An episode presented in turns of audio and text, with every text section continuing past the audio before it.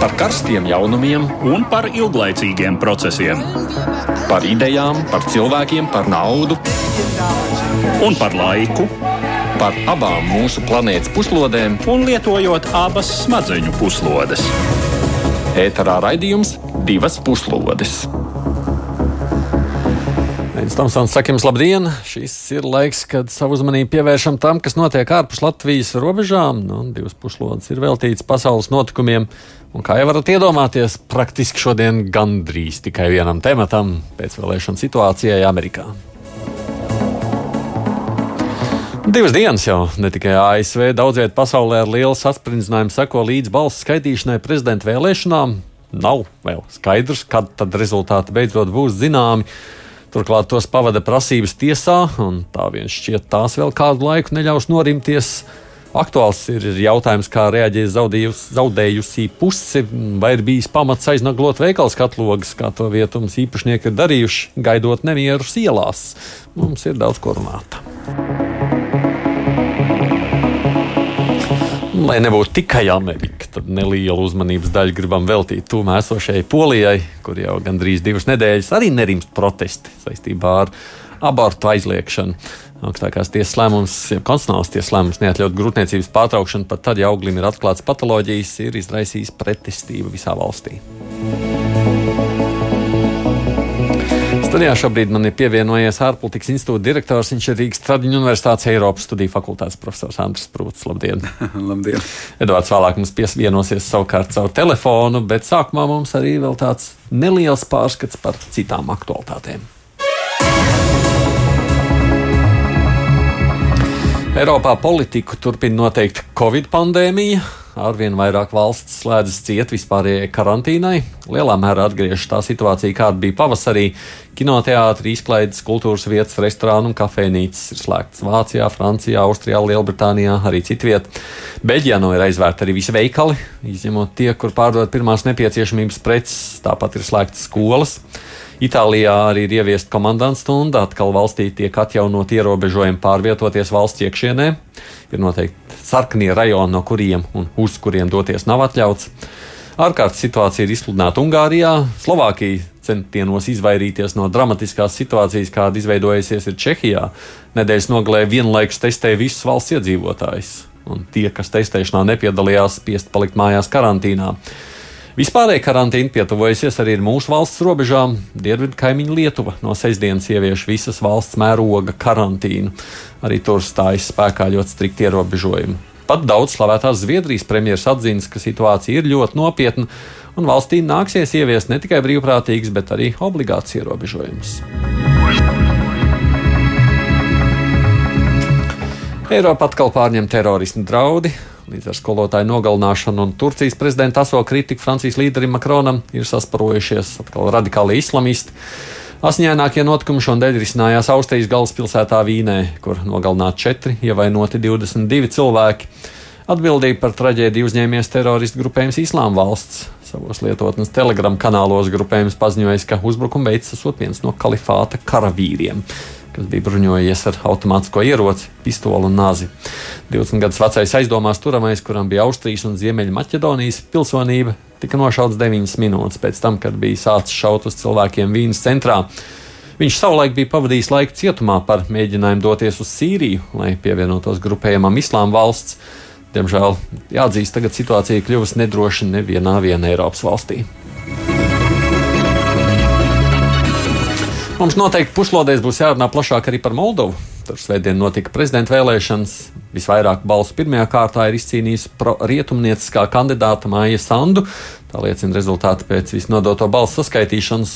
Sandu ir atbalstījuši gandrīz 36% vēlētāji, bet līdzinājais valsts galva Igors Dodons ieguvis nepilnu 33% atbalstu. Bet no šie skaitļi vēl neko nenozīmē. Līdz ar abiem favorītiem vēlēšanās startē vēl seši kandidāti. Nu, galvenais jautājums, ko darīs šo kandidātu atbalstītāji. 15. novembrī tiks rīkot otrā vēlēšana kārta. Un tā tad izšķirs to, kādu ceļu turpmāk ies bijusī Padomju Republika. Jāpiebilst, ka vēlēšanas daudz iedzīvotājus nav spējuši ieinteresēt. Pirmajā kārtā nobalsojuši 1,43% vēlētāji.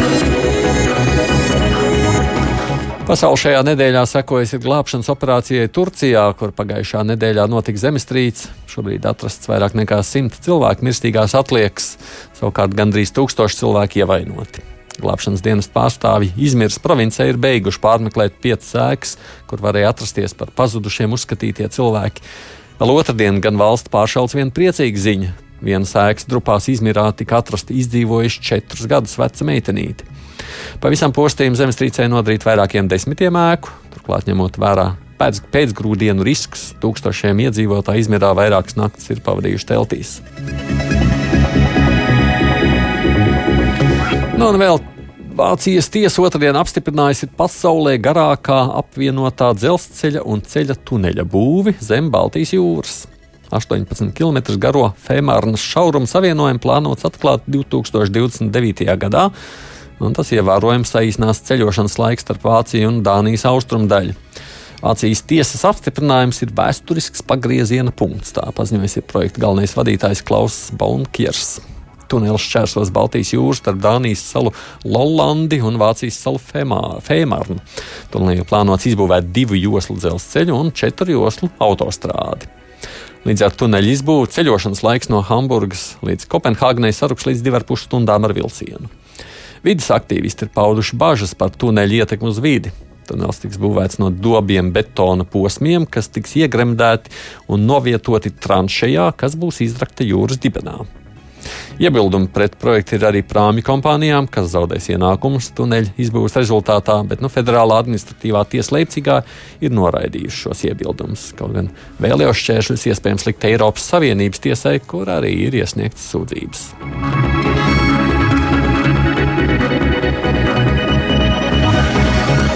Bet nu tagad turpinām par Ameriku. Otrajā dienā pēc Savienoto Valstu prezidenta vēlēšanām nākamais Baltānam saimnieks joprojām nav noskaidrots. Balsu skaitīšana joprojām turpinās piecos štatos - Aļaskā, Džordžijā, Nevadā, Pensilvānijā un Ziemeļkarolīnā. Ja Baidens uzvarēs Arizonā, kas ilgstoši bijis republikāņu štats, viņš iegūs 11 elektoru balsus, un tas nozīmēs, ka vairs tikai 6 elektoru balsis šķirs Baidenu no uzvaras vēlēšanās. Tās viņam varētu dot Nevada, kur demokrātu kandidāta izredzes tiek vērtētas kā vislabākās.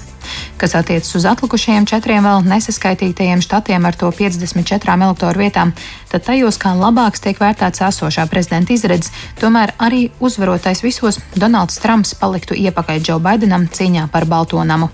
Tomēr prezidents jau vakar publiski paziņoja, ka ir vēlēšanās uzvarējis. Viņa kampaņas organizatori uzsākuši tiesvedības aktivitātes, mēģinot apstrīdēt vēlēšanu rezultātus vai ietekmēt balsu skaitīšanu. Viskonsīnā, kur par uzvarētāju jau pasludināts Džo Baidens, pieprasīta balsu pārskaitīšana minimālās rezultātu starpības dēļ. Ar dažādiem procesuālu pārkāpumu motīviem prasības apturēt balsu skaitīšanu iesniegts Mičiganā, kur arī jau pasludināta Baidena uzvara, un Pensilvānijā, kā arī Nevadā un Džordžijā.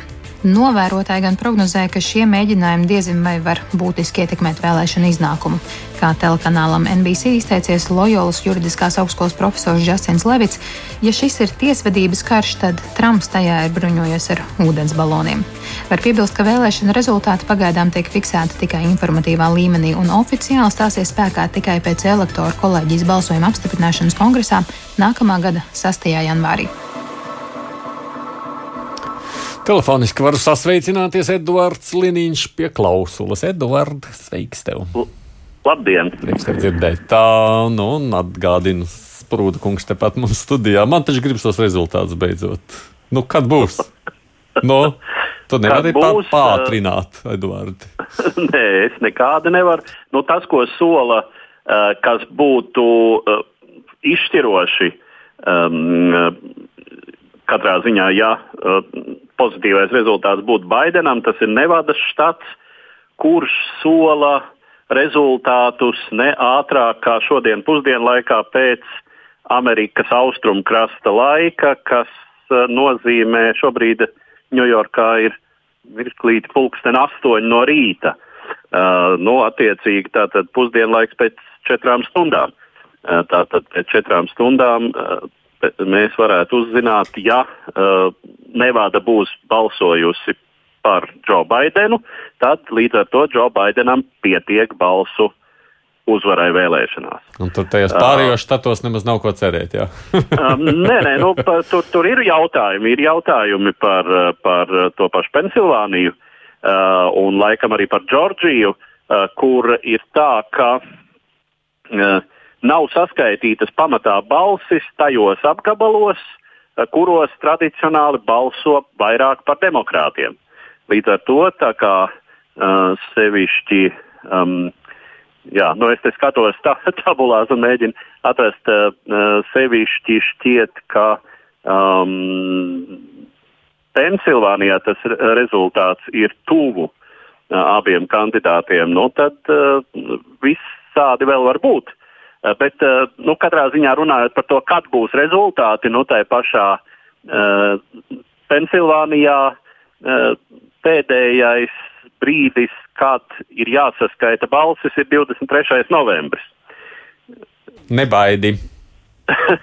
Nē, nu, katrā štatā, kas mums var šķist stipri dīvaini, bet katrā štatā ir diezgan atšķirīgi šie balsu skaitīšanas, balsošanas, rezultātu apkopošanas noteikumi. Tas, tas patiešām ir no. Tādas mazas, kompaktas valsts kā Latvija viedokļa, vēl jau vairāk parlamentāras demokrātijas viedokļa, tas viss izskatās pēc uh, kaut kādas uh, aizspogulijas. Nu, mēs esam aizmirsuši, ka Amerikas Savienotās valstis ir Savienotās valstis, un tur ir 50 valstis, ne, kas veido vienu ASV. Ko tu saki, Andri, par šo situāciju gaidot? Nu, ko lai saka? Nu, mums ir bijušas. Uh divu miljonu uh, ilgas Trumpa prezidentūra minūtes. Mums ir bijuši. Tas ir saskaitījis. Četri gadi ir tās, tās divas, miļu, divas minūtes. Es domāju, ka katra minūte nes uz kādu pārsteigumu, un līdz ar to tie nav bijuši garlaicīgi gadi. Tur to divu miljonu, miljonu minūšu laikā ir bijuši aptuveni 20 tūkstoši tvītu. Mm. Arī tas ir saskaitīts. Ir dienā, kurā ir bijuši 200 un 300 tvīti Donalda Trumpa izpildījumā. Tā kā viņš mums nav līdz garlaikoties.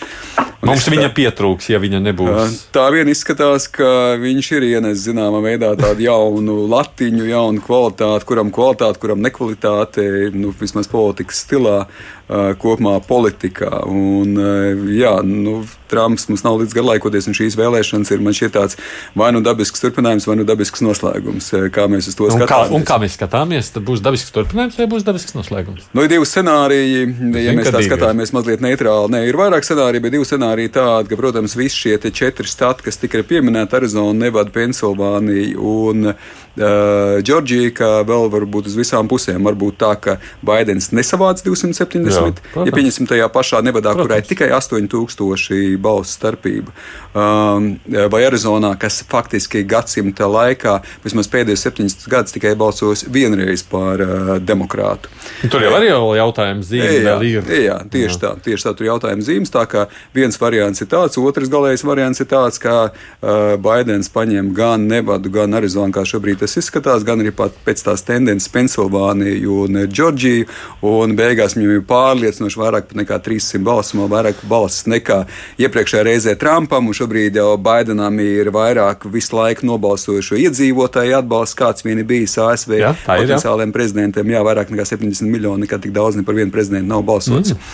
Uh, līdz ar to, nu, te var skatīties no, no, no dažādām pusēm. Nu, ja man jāsaka, un vakar arī es tomēr kaut kur liku to to, nu, nezinu, to monētu. Šeit ir daļai monētas mešana. Nu, mēs jā, jā. tā varam prognozēt un teikt, ka mēs jā, jā. esam kaut ko ļoti izjutuši, bet nu, tās ir milzīgas jautājuma zīmes.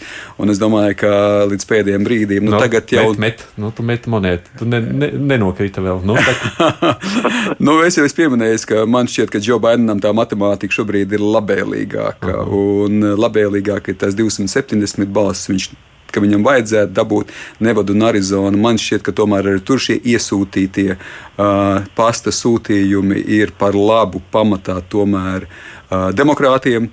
Un Ņemot pat, vērā, ka tos pasūtījumus vairāk demokrātija tieši tā, tieši tā. Līdz ar to man šķiet, ka tie 270, ka tas minimums varētu tikt sasniegts, ka neviena no tām, teiksim, no šiem štatiem nevada Arizonu, bet atkal nu, tas ir šobrīd ir pieņēmumi. Divas lietas, kas varbūt ir tādas, nu, kā pagaidām. Es papriekšu, lai Edvards uzmet monētu. Edvards, met. Jā, no, man Monēt, nokrīt, no. uz, palika uz maliņas stāvot. Ja? Tev Nu, nekā, ne, kā ne, kādā- negāžās ne uz vienu. Ne, Ka, ka, jā, ka, ka met un, un paliek, paliek uz kantītes stāvot. Nu, Šitādā reizē zaudē naudu abās veidos. Tieši tā. Tas nedara. Tāda, izdro, tāda neuzdrošināšanās nedēļa. Bet, ja runā drusku nopietnāk, vai pareizāk sakot, pavisam nopietni par to, vai mums pietrūks vai nepietrūks, nu tas, ko visi saka, jā, Trumps varbūt šajā reizē arī aiziet, bet Trumpisms jau paliek.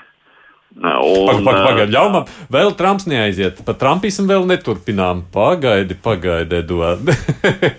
Nē, es tev dodu tavu domu, protams, sapratu, bet es pārtraucu Andru viņa teiktajā. Jā, di- di- divi, varbūt vēl divas lietas par balsīm. Es tā domāju, no šobrīd vismaz ar puslūpu smaida. Um, manuprāt, divi cilvēki. Viens cilvēks tas ir Alans Liktmans.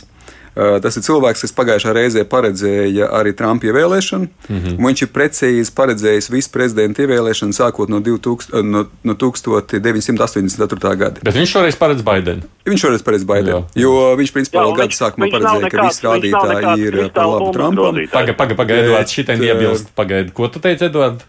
Eh, Es saku, un piesauktais džentlmenis nav, nav nekāds kristāla bumbas grozītājs. Viņš, viņa prognozes ir balstītas visai precīzos uh, politoloģiskos apsvērumos. Nu, jā, Viņam ir tātad- 13, eh, 13 atslēgas ietekmējušie faktori, uh, kur ir no sākot no ekonomikas, ilgtermiņa, īstermiņa, beidzot līdz arī mm, konkrētā kandidāta vai prezidenta personīgajām iezīmēm. Un viņš šajā reizē lika par labu, ka 13 no 13 šiem ietekmējušiem faktoriem 7 ir par sliktu, 7 ir par sliktu esošajam prezidentam. Līdz ar to faktiski ar ļoti mazu, bet tomēr pārākumu, ka šim prezidentam ir jāaiziet. 7 uz 6. turpat Septiņus vien, jā. ties, tieši tā, 7, 6 turpat vien tas ir.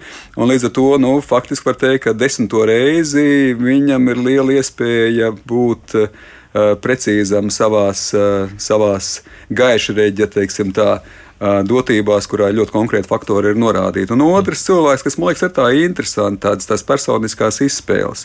Ir viss cieņam, lai viņam viegls smiltis, ir bijušais Arizonas uh, senators, uh, kas ir arī Baltijas liels draugs, Džons Makēns. Nebija neviena kritiskāka Donaldam Trumpam par Džonu Makeinu. Uz Džonu Makeina bērniem uh, Donalds Trumps netika uzaicināts, lai gan iepriekšējie prezidenti šīs bērres uh, apmeklēja un principā izrādīja viņam cieņu. Tas bija viens no teiksim, tā ASV politikas leģendām. Un šobrīd tā, no tās otras, ja tā var teikt, uh, pasaules Joe Biden, uh, Joe Biden, viņš sūta savam draugam Joe Bidenam, ja tā var teikt, palīdzīgo roku, jo var pat, ir pat uzskats, ka daudz arizoniešu ir nobalsojuši dēļ šīs savstarpējās nepatikas starp Donaldu Trumpu un uh, Džonu Makeinu, ka viņi nobalsojuši pret Donaldu Trumpu, jo, kā jau minēju, Arizonas štats no 50. gada ir balsojis tikai vienu reizi par demokrātu. Tas ir bijis vienmēr uh, republikāņu štats, un ka šeit tā arī savstarpējo cilvēku attiecības, privātās attiecības, personiskās attiecības varēja, varēja nospēlēt to, ka daudz lojāli Arizonas cilvēki ir nobalsojuši pret Donaldu Trumpu. Jā, Cilvēciskais faktors jau ir svarīgs. Ivars mums raksta šādi. ASV vēlēšanās viens ir skaidrs. Tā tāda aktivitāte augstākā pēdējo simts gadu laikā. Tā tad acīm redzot, uzvarējis ir Yes, we can make America great today. Ko tu saki, Edvards? Ir tā? Nu, lielāka aktivitāte šķiet ir, jā, aktivitāte noteikti lielāka nekā iepriekšējās vēlēšanās. Uh, nu, vēlētāju skaits, kas šeit tika piesaukts, protams, pirmkārt tāpēc, ka pastāv jau auga Savienoto Valstu iedzīvotāju skaits. Līdz ar to vēlētāju kopējā masa pieaug. Bet uh, jā, arī aktivitāte ir lielāka nekā iepriekš, uh, nu, kas varbūt uh, teiksim, ir pat tīri paradoxāli ņemot vērā to, ka ir visa pandēmijas situācija. Bet toties vēlētāji savukārt daudz aktīvāk nekā agrāk izmanto, izmanto šīs attālinātās balsošanas, respektīvi balsošanas pa pastu iespējas, nu, kas acīm redzot ir pietiekami labi nostādīta sistēma. Um, lai, lai to arī izmantotu. izmantot. Bet šajā kontekstā mēs tūlītās sazvanīsimies ar kādu no latviešiem Amerikā. Uh, ir tā, ka nu, tā, tā, tā ļaužu aktivitāte ir tāpēc, ka ir viedoklis šoreiz, tā varētu teikt, Andri. Jā, es domāju, ka tas ir viedoklis, bet tomēr es ar liktu uzsvaru, ka šīs vēlēšanas ir vispirms par Donaldu Trumpu atkal. Ka tie cilvēki, kas balso vai nu par Donaldu Trumpu, mm. viņš ir spējis mobilizēt atkal vairāk cilvēkus nekā iepriekšējā reizē. Iepriekšējā reizē bija nobalsojis 62 miljoni, tad šobrīd ir arī zem 70 miljoniem, šeit kaut kāda 66 vai 67 miljoni. Tā kā arī tur ir pielikums, teiksim tā, viņš nav ne tikai pazaudējis, bet ir kvantitīvi palielinājis. Tagad atkal var uzdot jautājumus par šī, šo prezidentu un arī trumpisma nosauktā jau zināma spēku un jaudu un vilkmu un tādu pievilcību. Um, jā, līdz ar to tu, teiksim, šie te rādītāji ir, ir, ir pieauguši. Jautājums ir, protams, par to, vai ļaudis nu, spēs uh, pieņemt viens otru nu, tādu vai nu zaudējumu, vai uzvaru, vai arī tomēr nē. Es, protams, to gribēsim pajautāt arī tiem vietējiem, bet tev šķiet tas viss Nu, man īsa atbilde tomēr, es domāju, ka No vienas puses, tā ir zināma tendence, ka ar vien vairāk notiek sabiedrību polarizācija, fragmentācija, emocionālā, psiholoģiskā, politiskā, un ka tas nav nekas jauns, kad atgriežas zināmā veidā identitātes jautājumi, emocionālie jautājumi. Mēs dzīvojam ar vien vairāk tādā nedrošākā pasaulē, un tāpēc arī tās emocijas sakāpināts politikā. Tā ir viena daļa. No otras puses, nu man šķiet, ka tomēr kopumā nu, demokrātiskām sabiedrībām tāda zināma kustība, viļņošanās, šūpošanās kaut kādos brīžos, nu, viņi ir salīdzinoši dabiski. Mēs jau plānojam runāt šodien par Poliju, nu, arī tur mēs redzam, nu, noteikti ne tikai tur, arī citās valstīs, kur ir protests pret covid ierobežojumiem un tā tālāk. Tā kā es domāju, ka tādu demokrātisku sabiedrību arī aktivitātes iekšējās viņas nav nekas ārkārtējs un varbūt pat zinām veidā atzinīgi vērtējums. Vai būs vardarbības, neizslēdz, ka kaut kas var arī, nu, teiksim, kaut kādi es negribētu teikt vardarbības, bet eh, nu, nekārtība elementi var būt ne vēl jau tajā Ņujorkā vai citās pilsētās tos no, eh, logus naglo ciet. Tātad tas jau nav tikai tāds mans vērtējums vai mūsu vērtējums, bet arī paši cilvēki sajūt, ka nu, tā situācija ir pietiekoši sakāpināta. Bet kopumā man gribētos cerēt un domāt, ka tas tomēr pēc kāda brīža norimsies un ka arī Joe Bidenis varbūt tajā ziņā, pat ja daudziem viņš būs Trumpa tādiem sīvākajiem, sīkstākajiem aizstāvjiem nepieņemams. Nu, viņš ir to, ko viņš ir teicis vakar, un man šķiet, ka ļoti labi tā viņa uzruna bija, ka viņš nav. Nu, mūsu varbūt valodā tas tā interesants skan sarkano un zilo štatu vai ne. Um, Eh, teiksim, tā, prezidents, vai viņš nav viena prezidents, viņš ir visu štatu prezidents, viņš ir visas Amerikas prezidents, un viņš mēģinās integrēt, viņš mēģinās kļūt par tiltu uh, priekš visiem. Mēs esam sazvanījuši Sandija Bajot, kas Jūstanā dzīvojoša Jelgavniece, viena no aktīvākajām ASV latviešu diasporas vadītājām. Sandija Skundze, labdien! Labdien, labdien! Mēs, nu, Teksas nobalsoja par Trumpu, bet izskatās, ka Trumpam tā uzvara tāda, nu, drīzāk slīd ārā no rokām. Kāds ir tas noskaņojums šobrīd, skatoties jūsu pusē? Es, es, jā, piekrītu. Uh, Teksasa vēsturiski ir bijusi republikāņu štats, kas nozīmē tieši tā, ka pārsvarā balsotāji būtu bijuši un arī šoreiz bija uh, par Trumpu. Protams, visi ir aktīvi nos, bija noskaņoti. To varēja redzēt gan mājās izliktajos karogos, uzzīmēm, dārzos sakārtajām uh, dažādām uh, zīmēm. Tas atbalsts bija ļoti vizuāli redzams. Un, kā varbūt esat arī redzējuši, gan smagās mašīnas brauca ar lieliem karogiem. Tas tiešām bija arī šeit uz ielām manā apkārtnē redzams. Bet vēsture nedaudz sākusi mainīties. Mēs esam Meksikas robeža. Mēs esam viens no štatiem, kur biznesa ir ļoti aktīvi attīstās. Nafta, gāze, IT industrija un pat arī slavenā Tesla būs šeit, sāk būvēt mega rūpnīcu. Un ar visu to es gribu teikt, ka līdz ar to nāk jauns darba spēks, līdz ar to pārceļ cilvēki no citiem ASV štatiem, no ārvalstīm. Ne, no ārvalstīm laikam nevar, tāpēc, ka nevar balsot, bet no citiem štatiem. Un, un tā, uh, tā domāšana ir, ir savādāka, un tas sāk attiecīgi atspoguļoties vēlēšanās. Tādēļ arī Teksas ir viena no tādām vietām, par kuru cīnās, ja tā var teikt. Un, um, tagad vēlēšanās tikai bija 52% republikāņu. Un, um, tā, kā, tā domāšana, un cik tā runāšana, un cik var spriest, vai ne, kad um, tas procents mainīsies, un ātrāk vai vēlāk tiek uzskatīts, ka uh, uh, Teksas tas maini, mainīsies un vairs nebūs republikāņu štats, bet gan pāries uh, dem demokrātiskā uh, vidē. Mm. Jā, pareizi teikt. Tā viedokļu dažādība, jeb nu, šobrīd arī tāda nu, diezgan aktīvā savas pozīcijas paušana. Paši ļaudis viens otru spriedzi nejūt no politikas tādā ikdienas sadzīvē. Nē, es domāju, ka um, es teikšu, ka cilvēki respektē. Protams, ir tie, kas to ļoti uh, skaļi izsaka un uz to arī uzstāja. Bet es teikšu, uh, arī ne šeit, runājot ar kaimiņiem vai draugiem, ir dažādi viedokļi. Šeit tas ļoti pozitīvi tiek uzskatīts, ka var būt veselīga saruna par tēmu.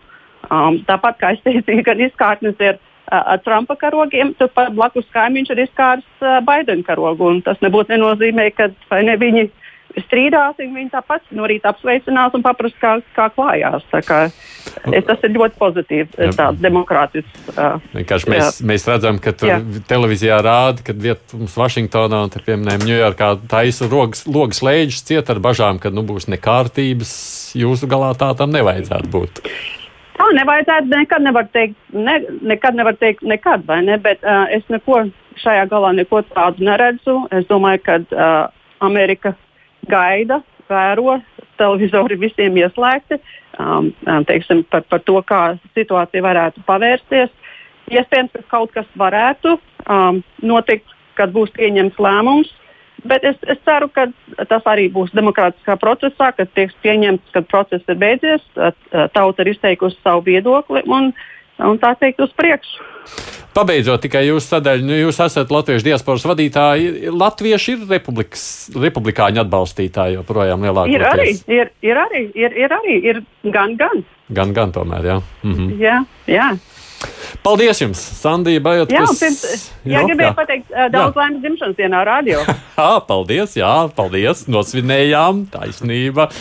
Jā, Hjūstonā Sandija Bajot dzīvojoša Algauniece. Nu, Eduard, tu klausies šajā visā. Ir jau nu, skan tā baigi labi, vai ne? Visi aktīvi pauž viedokli, bet nu, tad, ja vajag, nu, nekādi savstarpēji strīdi nav, taču vienam otram logs jāšauj ārā. Kā tas reizēm šķiet? Nu, nē, nu, protams, ka uh, līdz šim jau vispār runājot par Savienoto valstu vēlēšanām, cik tas ir manā atmiņā, iepriekšējos ciklus nu, nekad nav parādījusies tāda informācija, ka varētu būt vēlēšanu gadījumā nopietnas nekārtības. Nekārtības Savienotajās valstīs ir bijušas citā sakarā, un sevišķi jau atceroties arī nesenus notikumus, teiksim, tur desmitiem gadījumu, kad um, policijas vardarbības rezultātā bojā gājuši, sevišķi, ja tie ir melnādainie vai, vai uh, Latvijas izcelsmes ļaudis, tad, tad izraisa nekārtības diezgan, diezgan konsekventi katrs šāds gadījums. Vēlēšanu sakarā, manuprāt, manā atmiņā tā ir pirmā reize, kad es eh, tā manu eh, pieņēmumus un pat rīcību, eh, kas, kas kā, pieļauj, ka pēc vēlēšanām rezultātu dēļ varētu būt vardarbības, izpausmes, nekārtības, vandālisms un tam līdzīgi. Jā. Bet, jā, bet šādi, nu, zināmā mērā, es teiktu, te savu lomu spēlē varbūt arī sociālie tīkli, kur šie viedokļi par to, ka kaut kas tāds varētu būt, tā diezgan aktīvi cirkulē. Un tiem ir iespēja izplatīties ātrāk, jo, nu, teiksim, ja mēs iedomājamies tādu tīru baumu līmeni, ja, tad pabaumot jau par kaut ko tādu varēja jebkurā brīdī pagātnē, bet uh, Šobrīd, teiksim, tas eh, sarafāna radio, piedodiet par šo žargonu, eh, tas šobrīd eh, darbojas jau ar sociālo tīklu jaudu. Nu, tas gan taisnība. Tas jau arī īstenībā parādījās. Man liekas, ka kādā YouTube jau mēneši jau pāris iepriekš parādījās tās ziņas, ka nu, novembrī, novembrī būs nemieri vai ne, Andri, tāpēc tāds ir bijis. Bet nu, neizdosies Trumpam sakūdīt. Viņš jau tur aktīvi cīnās par to, lai nepieļautu. Ja tam es piekrītu, ka es domāju, ka Trumpa faktoram šeit ir liela nozīme, kāda būs viņa nostājuma vai šo vārdu, to, ko tu minēji, vai viņš būs gatavs un gribēs un vēlēsies kūdīt.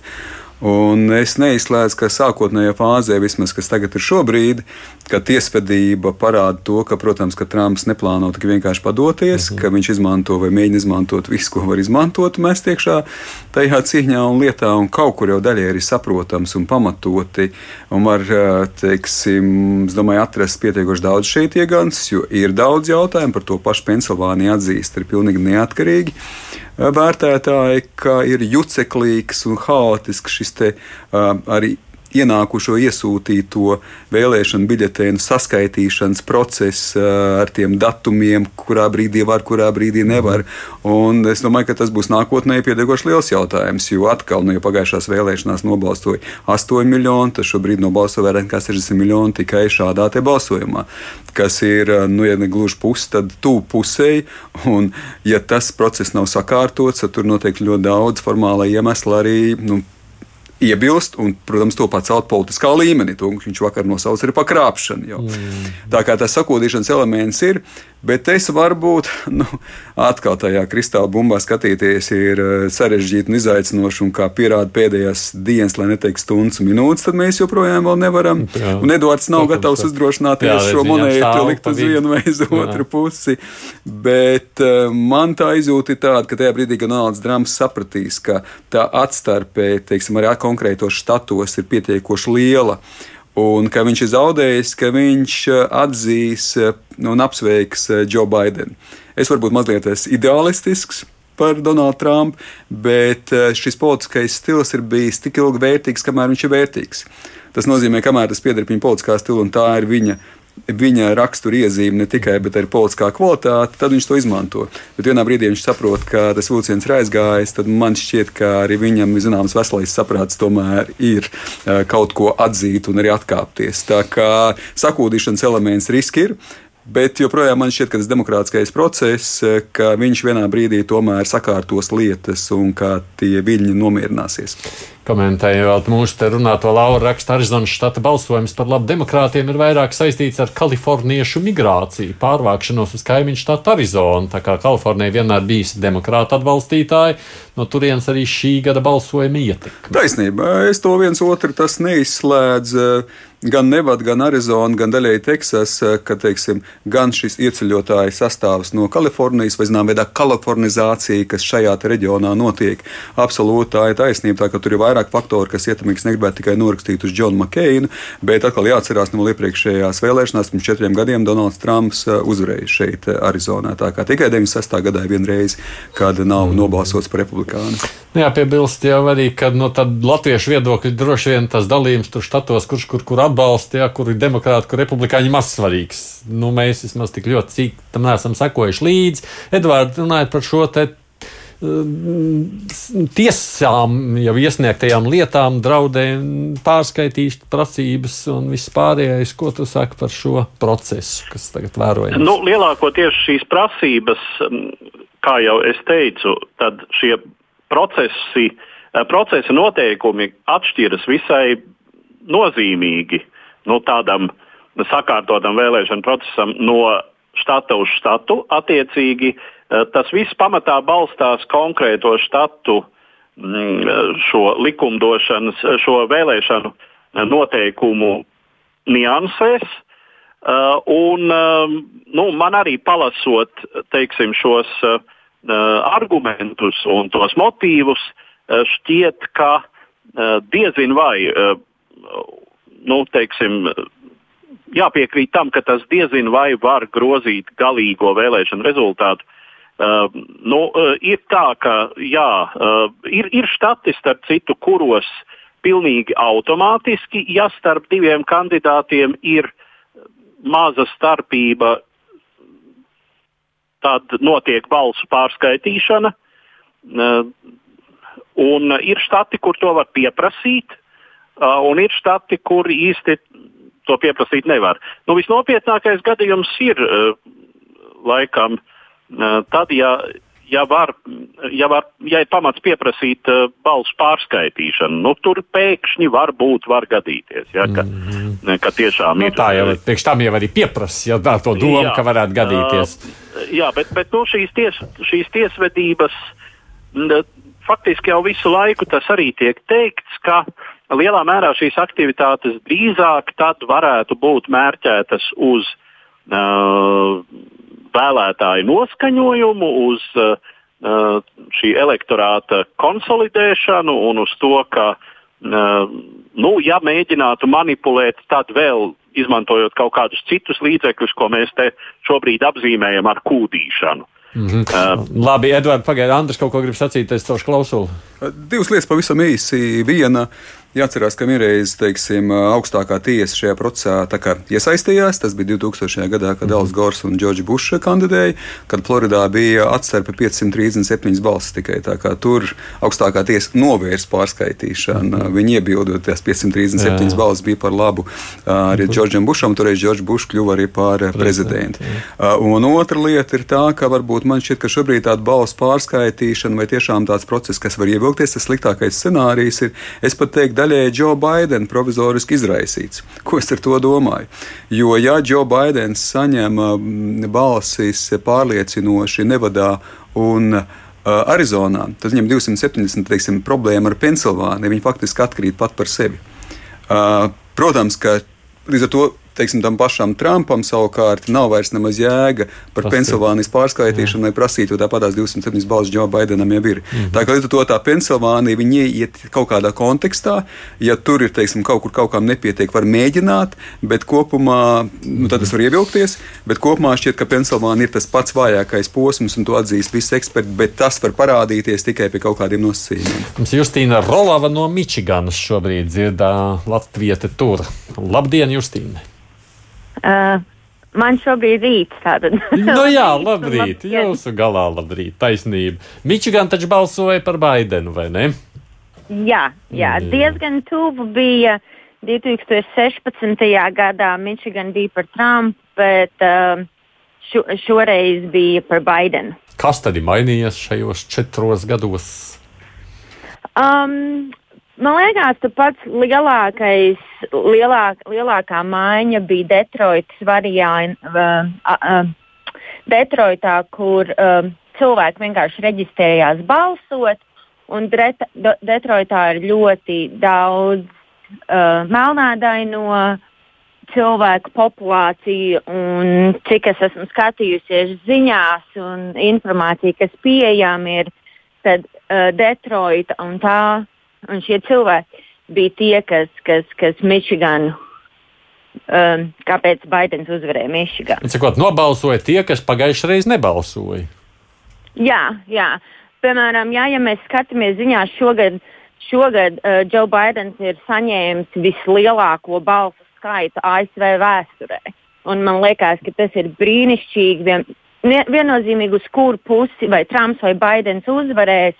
Man liekas, nākotnē šīs vēlēšanas ir atvērušas vārdus, kad cilvēki patiesībā ies un balsos un sapratīs, ka tā balss ir viennozīmīga un ka, kad, kad ir labi, kad mēs varam izteikt savu balsi. Jo 2016. gadā bija aptuveni 100 miljoni cilvēku, ne, kuri varēja balsot, bet nebalsoja.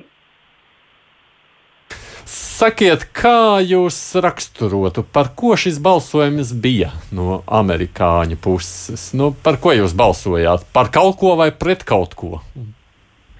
Es balsoju par Baidenu. Um, es, es, es, um, es, es to, es, man nav kauns to noslēpt. Um, es šobrīd balsoju, šoreiz balsoju tā iemesla pēc pirmām kārtām pandēmija.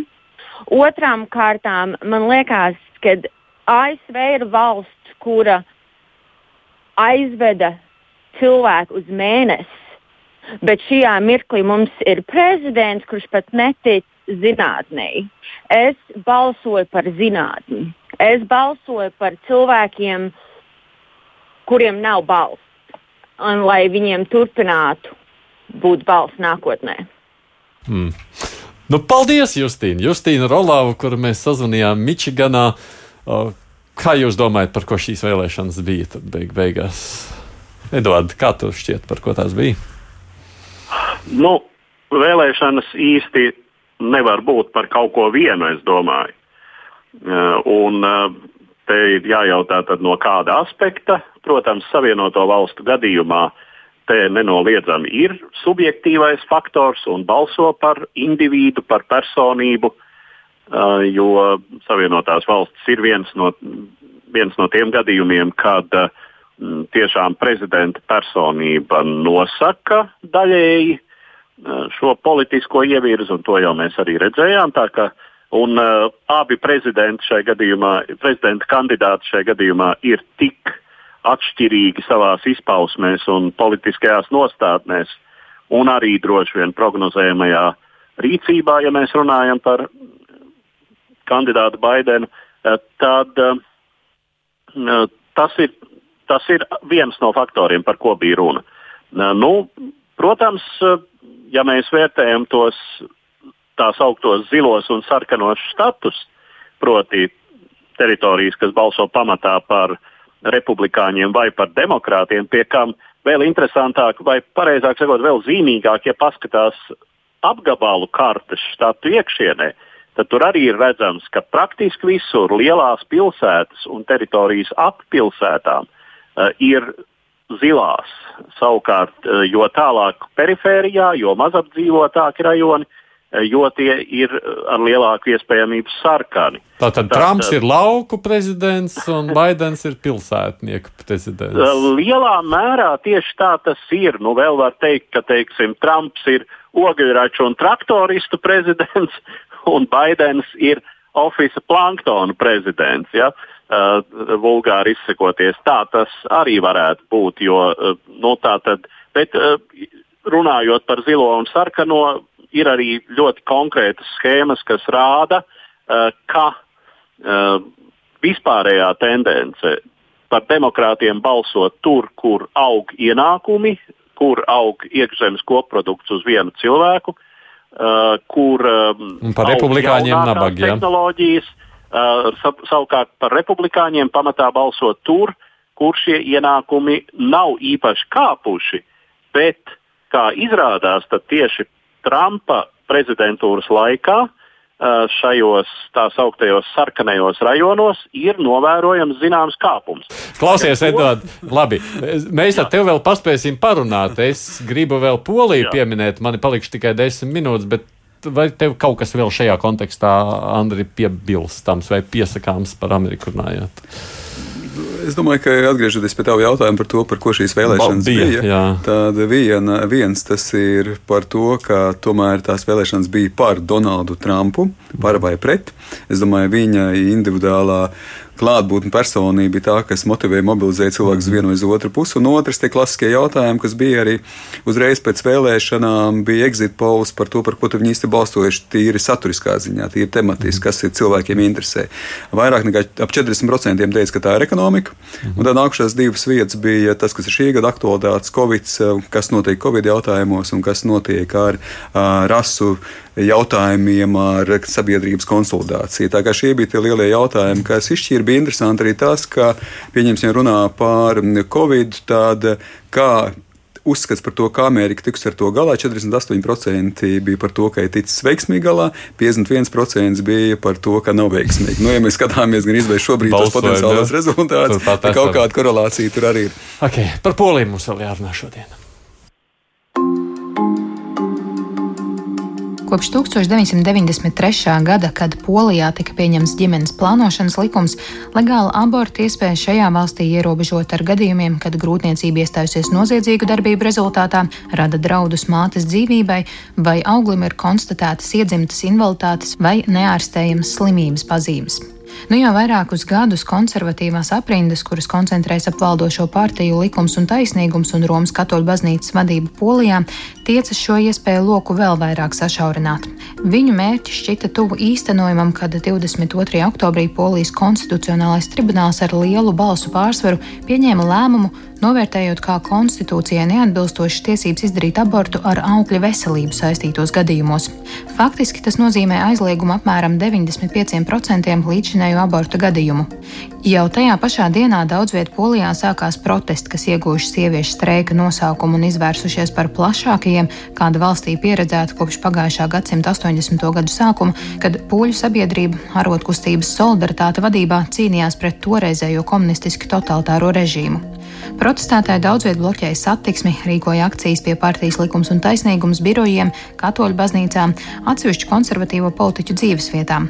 Protestētāju prasības, kas tika definētas 1. novembrī, ietver konstitucionālā tribunāla, polijas augstākās tiesas un ombudsmena atkāpšanos, likumdošanas liberalizāciju abortu, seksuālo minoritāšu tiesību jomā, katoļu baznīcas ietekmes mazināšanu skolās, lielāku valsts finansējumu veselības un vides aizsardzībai. Protestu vēriens licis valdībai nobremzēt attiecīgo likumdošanas izmaiņu ieviešanu, atliekot konstitucionālā tribunāla lēmuma publicēšanu. Prezidents Andrzejs Duda 30. oktobrī publiskoja likumdošanas iniciatīvu, kas paredz atļaut abortus arī gadījumos, kad augļa stāvoklis liecina, ka bērns dzims nedzīvs vai nebūs spējīgs izdzīvot. Tikām Polijas Seima nākamā sesija atlikta par divām nedēļām. Oficiāli pandēmijas dēļ, taču faktiski, kā domā daudz novērotāji, partijai likums un taisnīgums bažījoties par nepietiekamu atbalstu parlamentā. Ar karēvīgu paziņojumu 27. oktobrī nāca klajā premjerministra vietnieks un de facto ietekmīgais valdošās koalīcijas politiķis Jaroslavs Kačīnskis. Viņš aicināja par katru cenu aizstāvēt baznīcas pret uzbrukumiem, cik tālu protestētāji daudz vieta traucējuši dievkalpojumu norisu un dažviet aprakstījuši dievnamu sienas. Ir ziņas, ka konservatīvo līderis, nekonsultējoties ar pārējo partijas vadību, aicinājis partijas jaunatnes organizāciju vērsties pret šādām akcijām. Dažviet jau notikušas sadursmes starp protestētājiem un konservatīvās varas atbalstītājiem. Divas puslodes! Kad viņš šeit studijā ir Andris Sprūts, telefoniski Edvards Liniņš, nu tā baznīcas stingrā ietekme un konservatīvismā, konservatīvā politika polijā nav nekāds jaunums. Šie protesti kā rāda, ka tā ietekme sāk zust, un tur sākās kaut kādas pārmaiņas, ir piekāpšanās, Andri. Es domāju, ka piekāpšanās varbūt notiek zināmā taktiskā līmenī, un noteikti viņām būs jānotiek, ja tu nevari dabūt to cauri un ir nepārtraukti protesti, tad kaut kas ir jādara. Bet es to, ko tu teici, pieķeršos pie tiem taviem pirmiem vārdiem, ka uh, kopumā jau nu, Polijā konservatīvisms, poliskums, katoliskums, reliģiskums, nu, tās ir ļoti cieši saistītas Jā. lietas tās strāvojums viņš paliks vienmēr ļoti spēcīgs. Un te varbūt arī zināmas kopsakarības ar Donaldu Trumpu, jo pat Donalds Trumps netiek pārvēlēts ASV. Es varu teikt, tā viņš joprojām dzīvo citur, Polijā. citos izpildījumos, tā skaitā, teiksim, arī Polijā. Pat Jaroslavs Kačinskis varbūt vēl ir pirms Trumpa vienāds. Mm. Ko es ar to gribu teikt?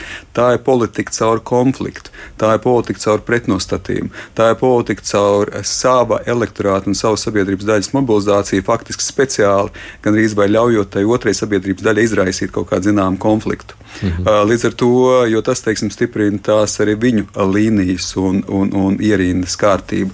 Un mēs jau varam teikt, ka jā, kaut kas tāds ir bijis jau iepriekš, 2016. gadā par to jau principā mēģināja dabūt caurumu balsojumu, beigās vajadzēja piekāpties. Bet kā mēs redzam, PIS, jeb likums un taisnīgums, uzvar vēlēšanas varbūt ar mazāku procentu, bet kā ir pievērsta, tā ir pievērsta šī politika caur konfliktu ar uzsvaru uz konservatīvu reliģiskajām vērtībām.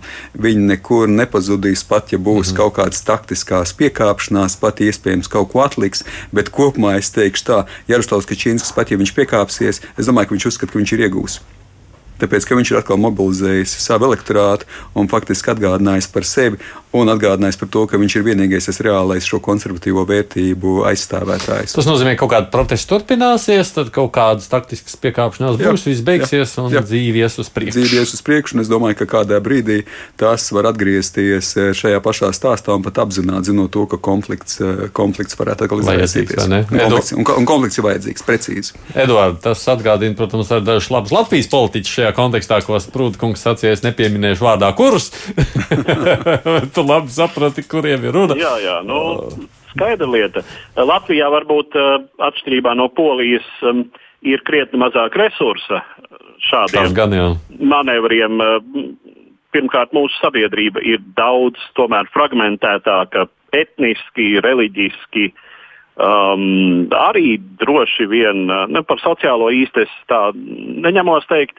Uh, atkal jāsaka, skatoties uz polijas vēlēšanu rezultātu kartēm, starp citu, mēs te runājam par zilo un sarkano Ameriku, uh, tad polijas gadījumā te jau var runāt par zilo uh, un uh, oranžo poliju, nu, proti tātad poliju, kas tradicionāli balso par, um, nu jau kādu laiku balso par šo likums un taisnīgums un citām konser vēl vairākām mazākām uh, nacionāli konservatīvām, konservatīvām partijām un savukārt to, kas balso par uh, pilsonisko platformu un uh, sociāldemokrātiem. Uh, un tas ir interesanti, ka uh, tātad pamatā šīs konservatīvās uh, politikas bāze ir Polijas austrumu, um, Polijas austrumu, uh, dienvidu austrumu rajoni, uh, kas te jau vai sakrīt ar to, kas bija kādreizējā kongresa polija, respektīvi tā polijas daļa, kas atradās savā laikā Krievijas impērijas